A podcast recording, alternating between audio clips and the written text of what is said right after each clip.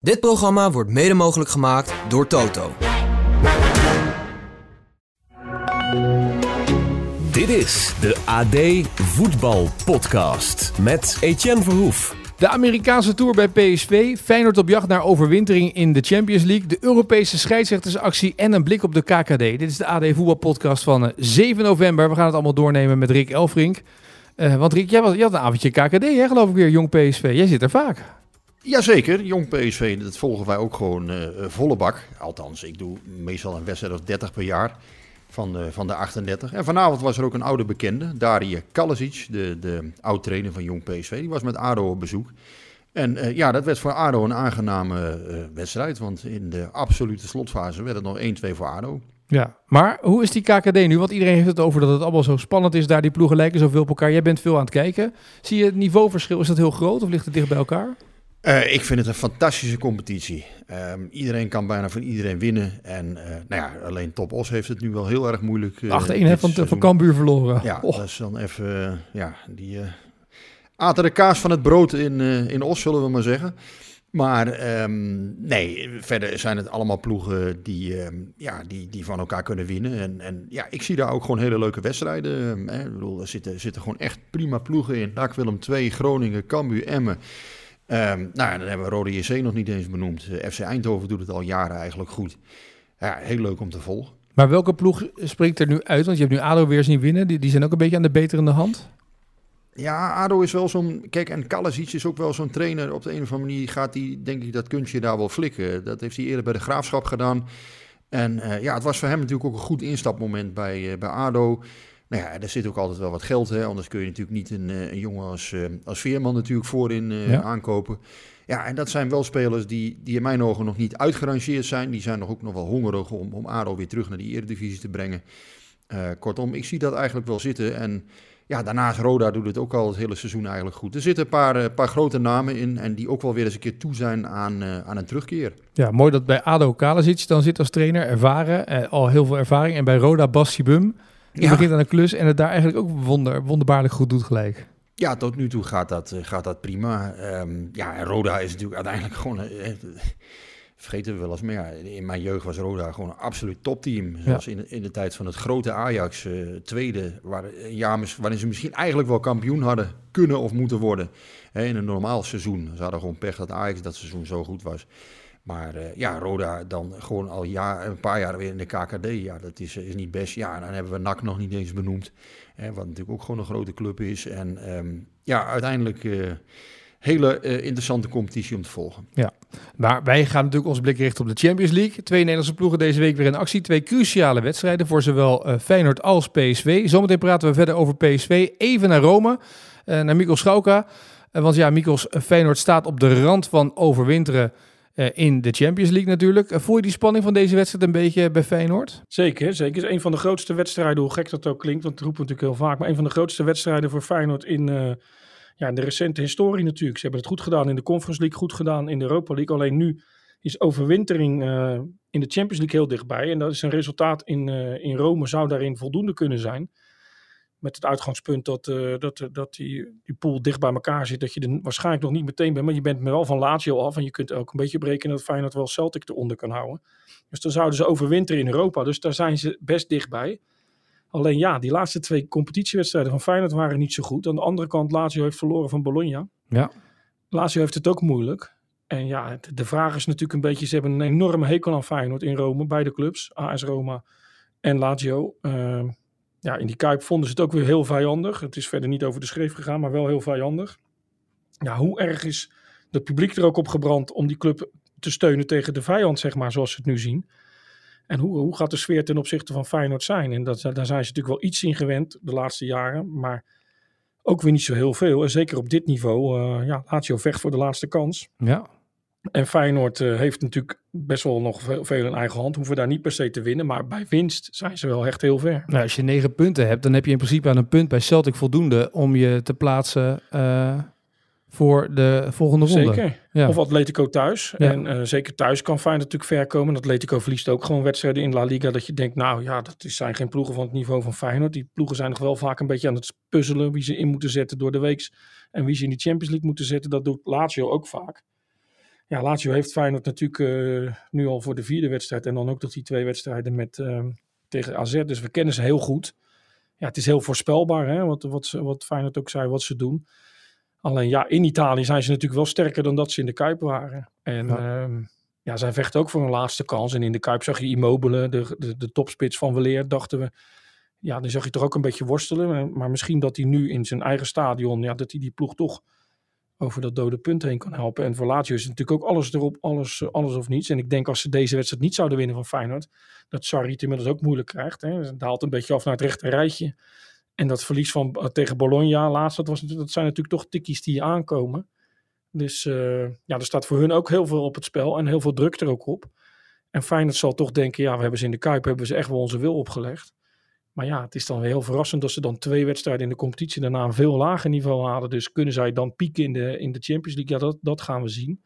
Maar het gekke is ook eh, wel weer dat je bij Feyenoord een beetje het gevoel hebt in die Champions League dat het in die wedstrijden wel goed komt. Of dat is ja. wat je vroeger had met in de jaren van Ten Hag en Ajax. Dat je dacht, oh, dit gaat wel goed komen in die poolfase.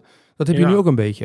Ja, dat is toch wel verrassend, omdat Kijk, bij die vorige wedstrijd had ik gezegd eh, bij uh, een van onze podcasts of ergens had ik gezegd dat, dat Feyenoord de favoriet was. En dat, daar begon Slot over in de perskamer voordat hij aan de persconferentie begon. Die zei dat hij het eigenlijk onzin vond dat ik dat zei. Uh, later op een persconferentie herhaalde hij het wel een klein beetje in de, in de trant van dat ze inderdaad wel dat het logische dingen waren om ze tot favoriet te bombarderen, maar dat het ook weer onlogisch was gezien het budget en de ervaring op het hoogste niveau, mm noem alles maar op. Maar ja, als je dit Feyenoord ziet qua budget, zouden ze niet kunnen overwinteren in de, in de eh, Champions League. Maar ze weten vaak wel echt wat ze moeten doen in die grote wedstrijden. Analyseren tegenstanders goed. Ja, Lazio is niet de, de, echte top. Dus uh, het is ook het verschil wat Slot vaak zegt. 20% tussen een club. Als dat binnen de 20% is, kun je wel wat halen. Nou ja, dat, dat zit dicht bij elkaar. Het is geen eh, Manchester City of Inter of noem het maar op, wat gewoon uh, tot de echte top behoort. Nou, Feyenoord kent gewoon precies vaak de, de, de, de wegen naar succes in die wedstrijden. Welke patronen moeten ze spelen?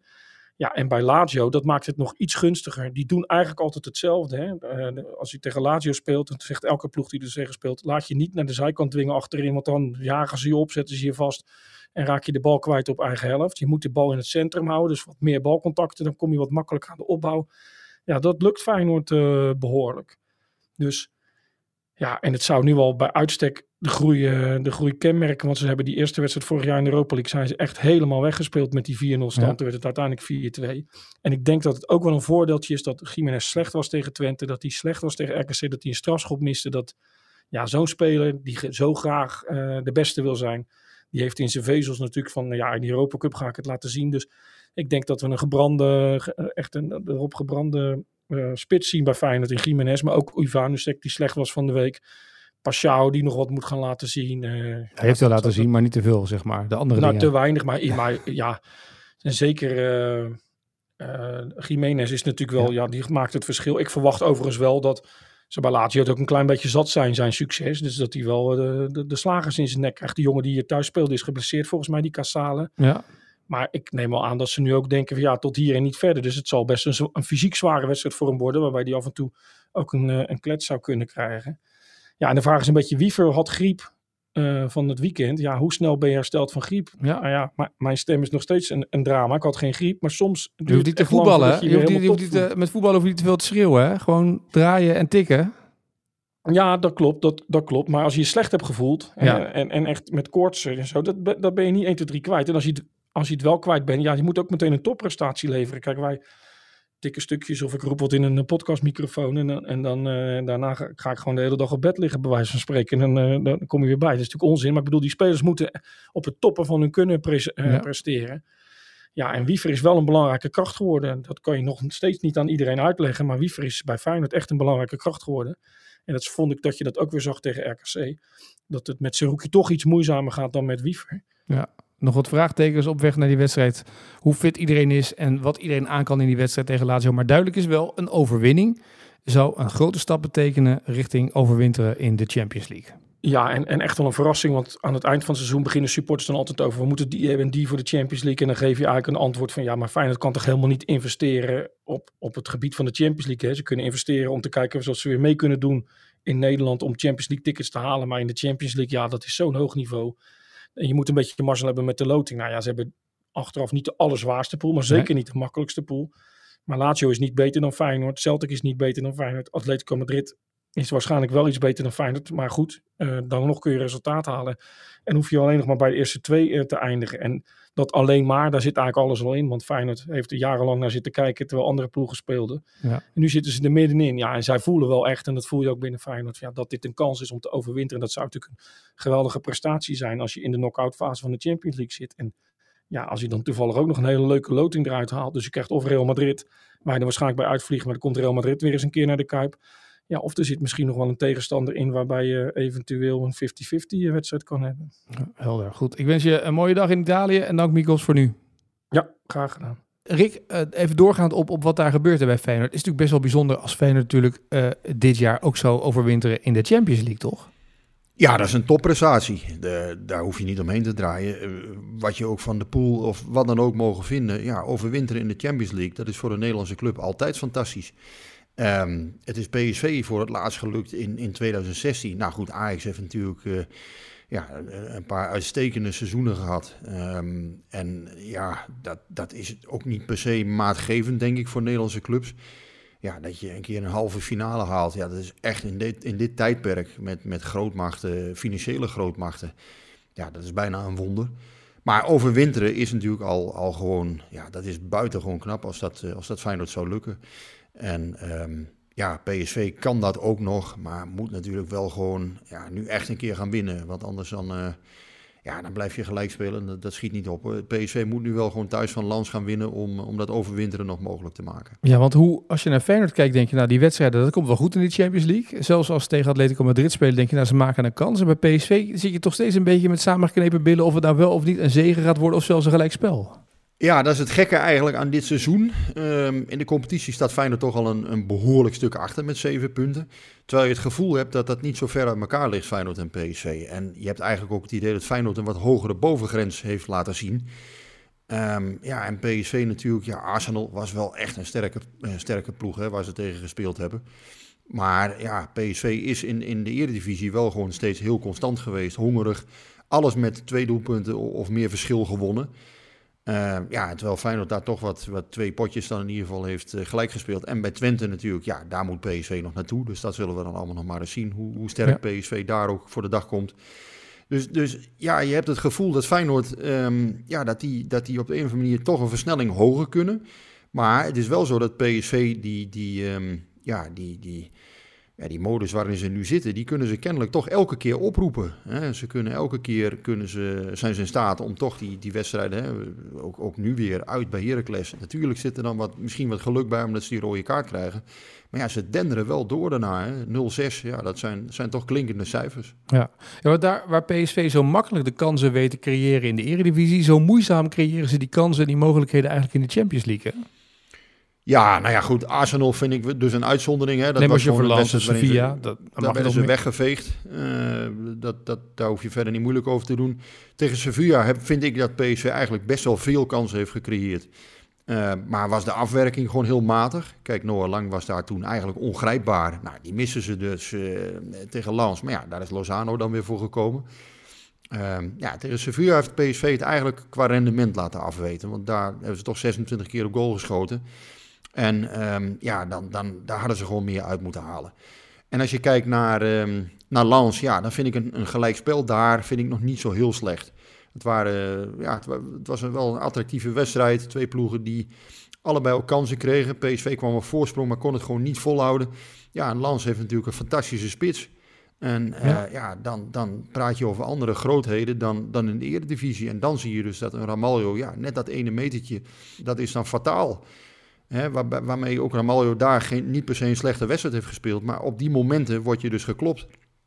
Nou ja, en dat zal, uh, dat zal woensdagavond uh, zal dat niet anders zijn. Kijk, PSV zal weer willen domineren, zal willen drukken naar voren. Um, ja, en, en dat betekent automatisch dat je een aantal kansen waarschijnlijk gaat weggeven. Uh, we hebben eerder dit seizoen wel gezien dat PSV heel moeizaam kan starten. Hè, tegen Ajax bijvoorbeeld. Ja. Dat ze het dan ook wel weer om kunnen draaien. ze hebben een aantal opties waardoor ze gewoon ja, van, van enigszins van plan kunnen veranderen. En dat is ook wel de kracht, denk ik, van PSV. Dat ja, de bank is zo ontzettend sterk.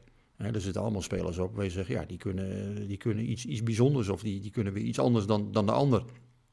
Hè, alleen al, uh, ja, of je, je zag bijvoorbeeld afgelopen weekend, dan start Til uh, in plaats van Tilman en Saibari. Nou, Saibari valt dan in op een gegeven moment. Die heeft dan een ongelukkig verhaal met dat oog.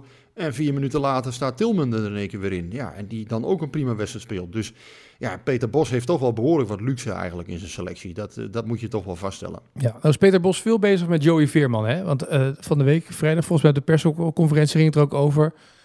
hoe Veerman eigenlijk de teleurstelling als een bal niet goed gaat, uh, gelijk moet, moet verwerken en gelijk moet terugsprinten en mee moet verdedigen. Dat hij soms nog te lang blijft hangen in de, in de teleurstelling. Herken jij dat? Het klopt, het ging over de rouwmomentjes die, die hij dan heeft. Hè. Op het moment dat je een bal verliest of uh, ja, op het moment dat er even iets, um, iets niet gaat zoals het moet gaan, dat een teamgenoot misschien niet goed doet. Ja, dan kun je uh, één of twee seconden winnen door niet dat rouwmoment uh, te pakken. En gewoon even meteen denken, ik moet meteen omschakelen. En daar ging het hem eigenlijk om. Hij wilde het niet groter maken dan het was, zei hij, zei hij daarna. Dat, ja, hij vond dat het in de media wel erg, erg groot was geworden. Maar um, ja, het was ook wel duidelijk dat hij gewoon een boodschap daarmee afgaf. En dat hij daar met Veerman ook mee aan de slag is. En Veerman moet dat ook doen. Want uiteindelijk, um, ja, als hij dat kan toevoegen aan zijn spel, nog beter kan omschakelen. Um, ja, uiteindelijk nog beter duels kan spelen, tweede ballen kan winnen. Ja, zeg maar puur het spel zonder bal, als hij dat kan verbeteren, ja, dan wordt hij uiteindelijk alleen maar waardevoller voor, uh, voor zijn toekomstige, toekomstige team. Ja. En, en voor PSV natuurlijk ook, maar en, en wordt hij ook waardevol op de transfermarkt. Dat bedoel ik eigenlijk. Want dat hij uiteindelijk een mooie som gaat opleveren. En ja, dat, is duidelijk. En dat hij aan de bal gewoon een van de allerbeste spelers in de eredivisie is, ja, dat leidt geen twijfel. Maar eh, ja, het gaat er nu juist om dat hij misschien net zijn, zijn mindere punten, en daar gaat het ook wel heel vaak over, vind ik. Ik snap ook wel dat het hem misschien wel eens een keer stoort, dat hij denkt, ja, hallo, waarom word ik niet, niet beoordeeld op wat ik aan de bal kan? En dat is heel veel. Want, en nogmaals, ik zeg ook niet voor niks. Ik, ik vind echt een van de allerbeste spelers in de Eredivisie wat dat betreft. Alleen ja, als hij dat nog kan toevoegen. Ja, dan wordt hij natuurlijk voor, voor veel meer clubs wordt hij interessant uiteindelijk uh, straks op de transfermarkt. En voor PSV is het natuurlijk ook gewoon waardevol. Ja. Hoewel PSV wel schouten heeft. Ja, dat is wat mij betreft toch de, ja, eigenlijk de, een van de geheimen achter het succes van, uh, het voorlopige succes van PSV natuurlijk. Laten we niet te veel op de zaken vooruitlopen. Maar ja, Schouten is echt gewoon, uh, ja, die is dit seizoen uh, niet, bijna niet te houden. Nee, nee maar de, terug naar, naar Veerman even, want dat komt natuurlijk, bij Veerman valt het op in de grote, kijk in de, in de kleinere wedstrijden, uh, in de eredivisie, daar zie je hem uitblinken, dan is het allemaal niet zo'n probleem. Maar het gaat natuurlijk om in die grote wedstrijden, bij Oranje, in de Champions League, daar maak je het verschil door op het juiste moment gelijk om te schakelen en terug te gaan en, en die bal te veroveren weer. dat is het verschil natuurlijk een beetje, daarom valt het meer op. Ja, daar is Peter Bos natuurlijk ook mee bezig. En inderdaad, je kan tegen Almere kan je uitblinken misschien. Of je kan tegen RKC uitblinken. En, en je kan thuis tegen Fortuna uitblinken. Dat is allemaal prachtig en mooi. Maar het gaat er natuurlijk uiteindelijk om dat hij in een wedstrijd tegen Sevilla, tegen Lens, dat hij daar de stappen zet die, die nodig zijn. En um, ja, daar kan hij natuurlijk aan de bal ook wel het verschil maken. Laten we niet vergeten dat hij... Uh, hij heeft, hij heeft, dit seizoen ook alweer de nodige goals gemaakt. Heeft een aantal assists ja. geleverd. Dus, dus daar, daar, dat zit uiteindelijk wel goed. Alleen tegen Ajax viel hij, uh, viel hij de eerste helft tegen. Nou ja, ook Joey Veerman kan een keer een off-day hebben. Het is ook niet zo dat, uh, dat je dan meteen in, in de kramp moet schieten. Maar uiteindelijk, hè, het totale plaatje, het totaalpakket wat hij zou moeten leveren, ja, daar kan natuurlijk altijd nog beter, daar kan hij nog altijd beter in worden. En Roger Smit zei dat eigenlijk al, hè, twee jaar geleden die was ook wel onder de indruk van hem. Maar hij zei wel altijd, hè, ja, hij needs de total package. Dus gewoon een middenvelder moet in zijn ogen ontzettend compleet zijn om uh, ja, in de top uh, te kunnen overleven, om daar uh, ja, het verschil te kunnen maken. Ja. PSV is ondertussen bezig met de winter en misschien wel ook met het komend seizoen. want er wordt wel gekeken of er nog versterking te halen is. En dan wordt er door Ernest Stewart gekeken naar Amerika. is dat een logische hoek om te zoeken naar versterking? Ja, ik vind wel dat, dat Stewart moet daar natuurlijk wel een beetje mee oppassen. In de zin van ja, als je, als je drie, vier Amerikanen op een gegeven moment in je selectie hebt, ja, dan, dan maak je jezelf misschien ook wel eens kwetsbaar hè, als TD. Dus je moet daar wel een klein beetje naar kijken van.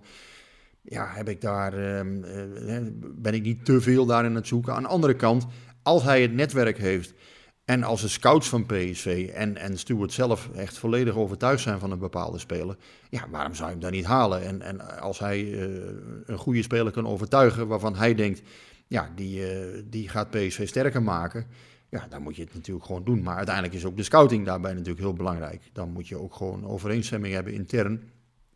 En dat is bijvoorbeeld wel hoe vroeger Marcel Brands, een van zijn voorgangers, altijd heeft gewerkt.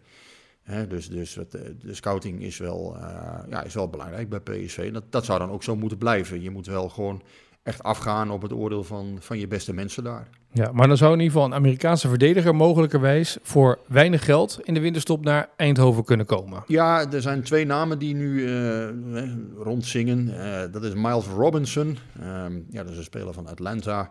Die speelt nu in Major League Soccer. En ja, van hem is. is ehm, we hebben onlangs met Greg Berhalter gesproken, de bondscoach van de USA. En die zei, nou, die stap naar Europa kan hij moeiteloos verteren. Dus Miles Robinson, hij denkt dat dat absoluut een versterking is voor PSV. Nou ja, je moet altijd maar afwachten. Een jongen die, die vanuit een ander continent hier komt, ehm, ja, dat, dat kan nog wel eens aanpassingsproblemen opleveren. Dus voor PSV zou het slim kunnen zijn om een half jaar voor het komende seizoen te halen. Als je hem deze winterstop haalt, dan kan hij wat acclimatiseren de komende maanden. Ja, en dan moet hij er volgend jaar misschien staan als vervanger voor bijvoorbeeld Ramaljo, wiens contract nog niet is verlengd. Dan zou je in de tussentijd Ramaljo kunnen houden. PSV heeft natuurlijk ook Bella Kotschap nog voor die positie. Maar ja, dat is even afwachten, omdat hij uh, ja, die schouderoperatie pas heeft gehad. Ja, en daarnaast voldeed hij eigenlijk ook nog niet echt. Hoewel die jongen ook wel veel pech heeft gehad. Hij had natuurlijk ook een, uh, een kaakontsteking. Ja. Dus ja, dan, dan is het ook moeilijk om daar eigenlijk wat van te zeggen. Tegen Arsenal heeft hij dan gespeeld. Ja, dat was geen onverdeeld succes getuige de 4-0 en ook een moment waarin hij dus eh, verkeerd instapte. Maar de hoeveelheid speeltijd die hij heeft gehad, daar kun je hem eigenlijk nog niet echt op beoordelen. Wel dat hij, nou, hij was geen sensatie, laat ik het zo zeggen. Dat, dat was hij zeker niet. En daarnaast nog een andere Amerikaan waar ze, ja, die ze op de radar hebben. Dat is uh, Chris Richards. Niet, uh, niet Cliff, maar Chris. En uh, Chris Richards... Dan moeten onze luisteraars uitleggen wie Cliff Richard is. Dat meen je toch zeker? Nou, het gros van de luisteraars luistert tussen de 20 en 40 hè, bij podcasts. Dus die ah, kennen... Nou, de, Cliff Richard, die, die moeten ze toch wel kennen. Maar ik, ik, ga ervan uit, als hij komt, dat ze bij PSV hem gewoon Cliff gaan noemen. uh, dus Chris Richards um, ja, speelt nu bij Crystal Palace. En uh, ja, komt daar weinig in actie. Ook een, eh, een bekende Amerikaanse speler. Dus ook die wordt wel gevolgd. Uh, maar ja, die zal dan gekocht moeten worden normaal gesproken. Of eventueel uh, een half seizoen gehuurd en dan ja. misschien kopen. Allah, daar wil ik allemaal nog niet intreden, want dat is volgens mij allemaal nog veel te voorbarig. Maar dat zijn een aantal opties die PSV op dit moment verkent. Ja, en uh, het valt me nog op dat uh, je hebt het vaak genoeg al geschreven in het uh, Dagblad ook en, en ook in de artikelen bij ons op de site. De vervanging van Schouten. Dat is toch wel iets wat ze in de winterstop moeten gaan regelen, toch? Dat er een backup ja, is. Ja, dat lijkt me wel. Um, daar zullen ze zeker naar kijken. Ik heb nog steeds geen, ik heb geen naam daarvoor. Kijk, zij hebben natuurlijk eerder Aster Franks bekeken van Wolfsburg. Nou, die speelde een hele tijd niet. En net afgelopen weekend, afgelopen week, is hij 90 minuten gaan spelen. Dus ja, dan zou je net zien, dan wil je die jongen misschien gaan halen. En dan kan hij bij zijn club in één keer toch uh, ja, een basisplek afdwingen. Ja, dan wordt dat heel erg moeilijk. En dan moet je weer doorschakelen naar een ander. Maar uh, ja, of dat gebeurt, Kijk, Peter Bos heeft eerder ook wel gezegd, dat is inderdaad wel een ding uh, ja, in de selectie. Uh, ze hebben vier tienen en ja, eigenlijk een zes. Een echte vervanger voor Schouten hebben ze niet. Veerman kan er spelen, uh, Boskagli kan er spelen, maar ja, dat zijn geen ideale opties voor die, voor die plek. Nee. Nou goed, deze week natuurlijk Champions League week en waarin PSV en Feyenoord hopen goede resultaten te boeken. Het is ook de week dat de UEFA um, eigenlijk aandacht vraagt voor het scheidsrechtersvak. Dus de komende wedstrijden heeft de arbitrage een prachtig tenue gekregen waaronder het logo van de UEFA staat Be a Referee. Zoeken 40.000 scheidsrechters. Dus ik weet niet of je daar. Uh, denk je dat, het, dat mensen daar dan gelijk scheidsrechter van worden van het ene zinnetje onder het logo? Oh ja, dat weet ik niet. Ja, vroeger had je ook zo'n campagne. Hè? Ineens heb je het, je wordt scheidsrechter. Ja. Uh, of zoiets. Hè? Ik weet niet, waar, waar, was dat bij? Weet jij dat nog, Etienne? Of? Nee, het zal iets zijn met uh, de KNVB of zoiets. Nou, ik weet het niet meer. Maar in ieder geval, daar, daar was ook zo'n reclame van. Ineens heb je het. Ja, dat zullen ze niet op, eh, op het shirt gaan zetten, want uh, dat begrijpt niemand. Dat begrijpen ze alleen in Nederland. Um, ja, in algemene zin uh, een hartstikke moeilijk vak. En lang niet iedereen is daar geschikt voor. Wat ons bij het ED ook nog opviel, als je die filmpjes van Makkeli bijvoorbeeld bekijkt. Hoe ongelooflijk veel impulsen er op zo'n scheidsrechter afkomen op belangrijke momenten. En hoe koeltjes je daarbij moet blijven. Ja, daar moet je, daar moet je wel geschikt voor zijn. En ik denk dat dat een heel, heel lastig vak is. Uh, dat we dat ook nog wel eens onderschatten met z'n allen. Dat denk ik ook wel, ja. Dat je mentaal heel sterk in elkaar moet zitten om uh, continu, als je die video's ook ziet nu tegenwoordig bij ESPN van die topwedstrijden, dat, dat je die audio erbij hoort. De, de snelheid van beslissen wat er gebeurt. Dat je toch iedereen onder... ouwe hoert ook tegen die scheidsrechter aan, hè? Van, van de vierde man tot... Uh, tot Ja, en, en dan het publiek natuurlijk heb je dan nog niet eens meegerekend. Dus, dus ik vind, uh, ja, ik, ik heb daar wel... Dus dat, als je dat ziet, wat er dan allemaal op zo iemand afkomt, dat is wel inderdaad, ja, dat is wel heftig. Ja, maar goed, die campagne, het staat op de shirts. Dus uh, er moeten wel een paar kloosjes in beeld komen tijdens die wedstrijden. Om dat, om dat bier referee te laten zien. Want anders ziet niemand het natuurlijk, hè? Ja, nee, maar ja, briljant natuurlijk. Briljant bedacht. Dus uh, ja, iedereen wil natuurlijk nu weten wat daar staat. Dus dan, uh, ja, we zullen zien, Etienne, wat het, wat het oplevert. Ja, ze proberen in ieder geval aandacht te vragen. Het wordt natuurlijk wel een probleem, hè. Als, als we zometeen geen goede scheidsrechters hebben, zowel in het betaalde voetbal als amateurvoetbal... Dan wordt het ook een stuk minder leuk om voetbal te spelen natuurlijk. Nee, dat is ook zo. Maar het is, het is uiteindelijk natuurlijk ook een verschrikkelijk vak. Je, je, zeker in de huidige tijd, denk ik, met, met sociale media en mensen die steeds minder goed tegen teleurstellingen kunnen. En, want dat is ook wel een dingetje. Ja, het accepteren van een teleurstelling, uh, ja, dat is, uh, dat is niet alleen op de profvelden natuurlijk een ding, maar ook in amateursport. En ja, um, dat is een maatschappelijke ontwikkeling. En ja, als je dan scheidsrechter bent, ja, Um, dan is dat moeilijk. En dan denk ik ook dat mensen van tevoren denken van... ja, moet ik daar nog wel aan beginnen? Nou, je draagt nu niet bij, zeg maar, aan de campagne als je dit zegt, hè?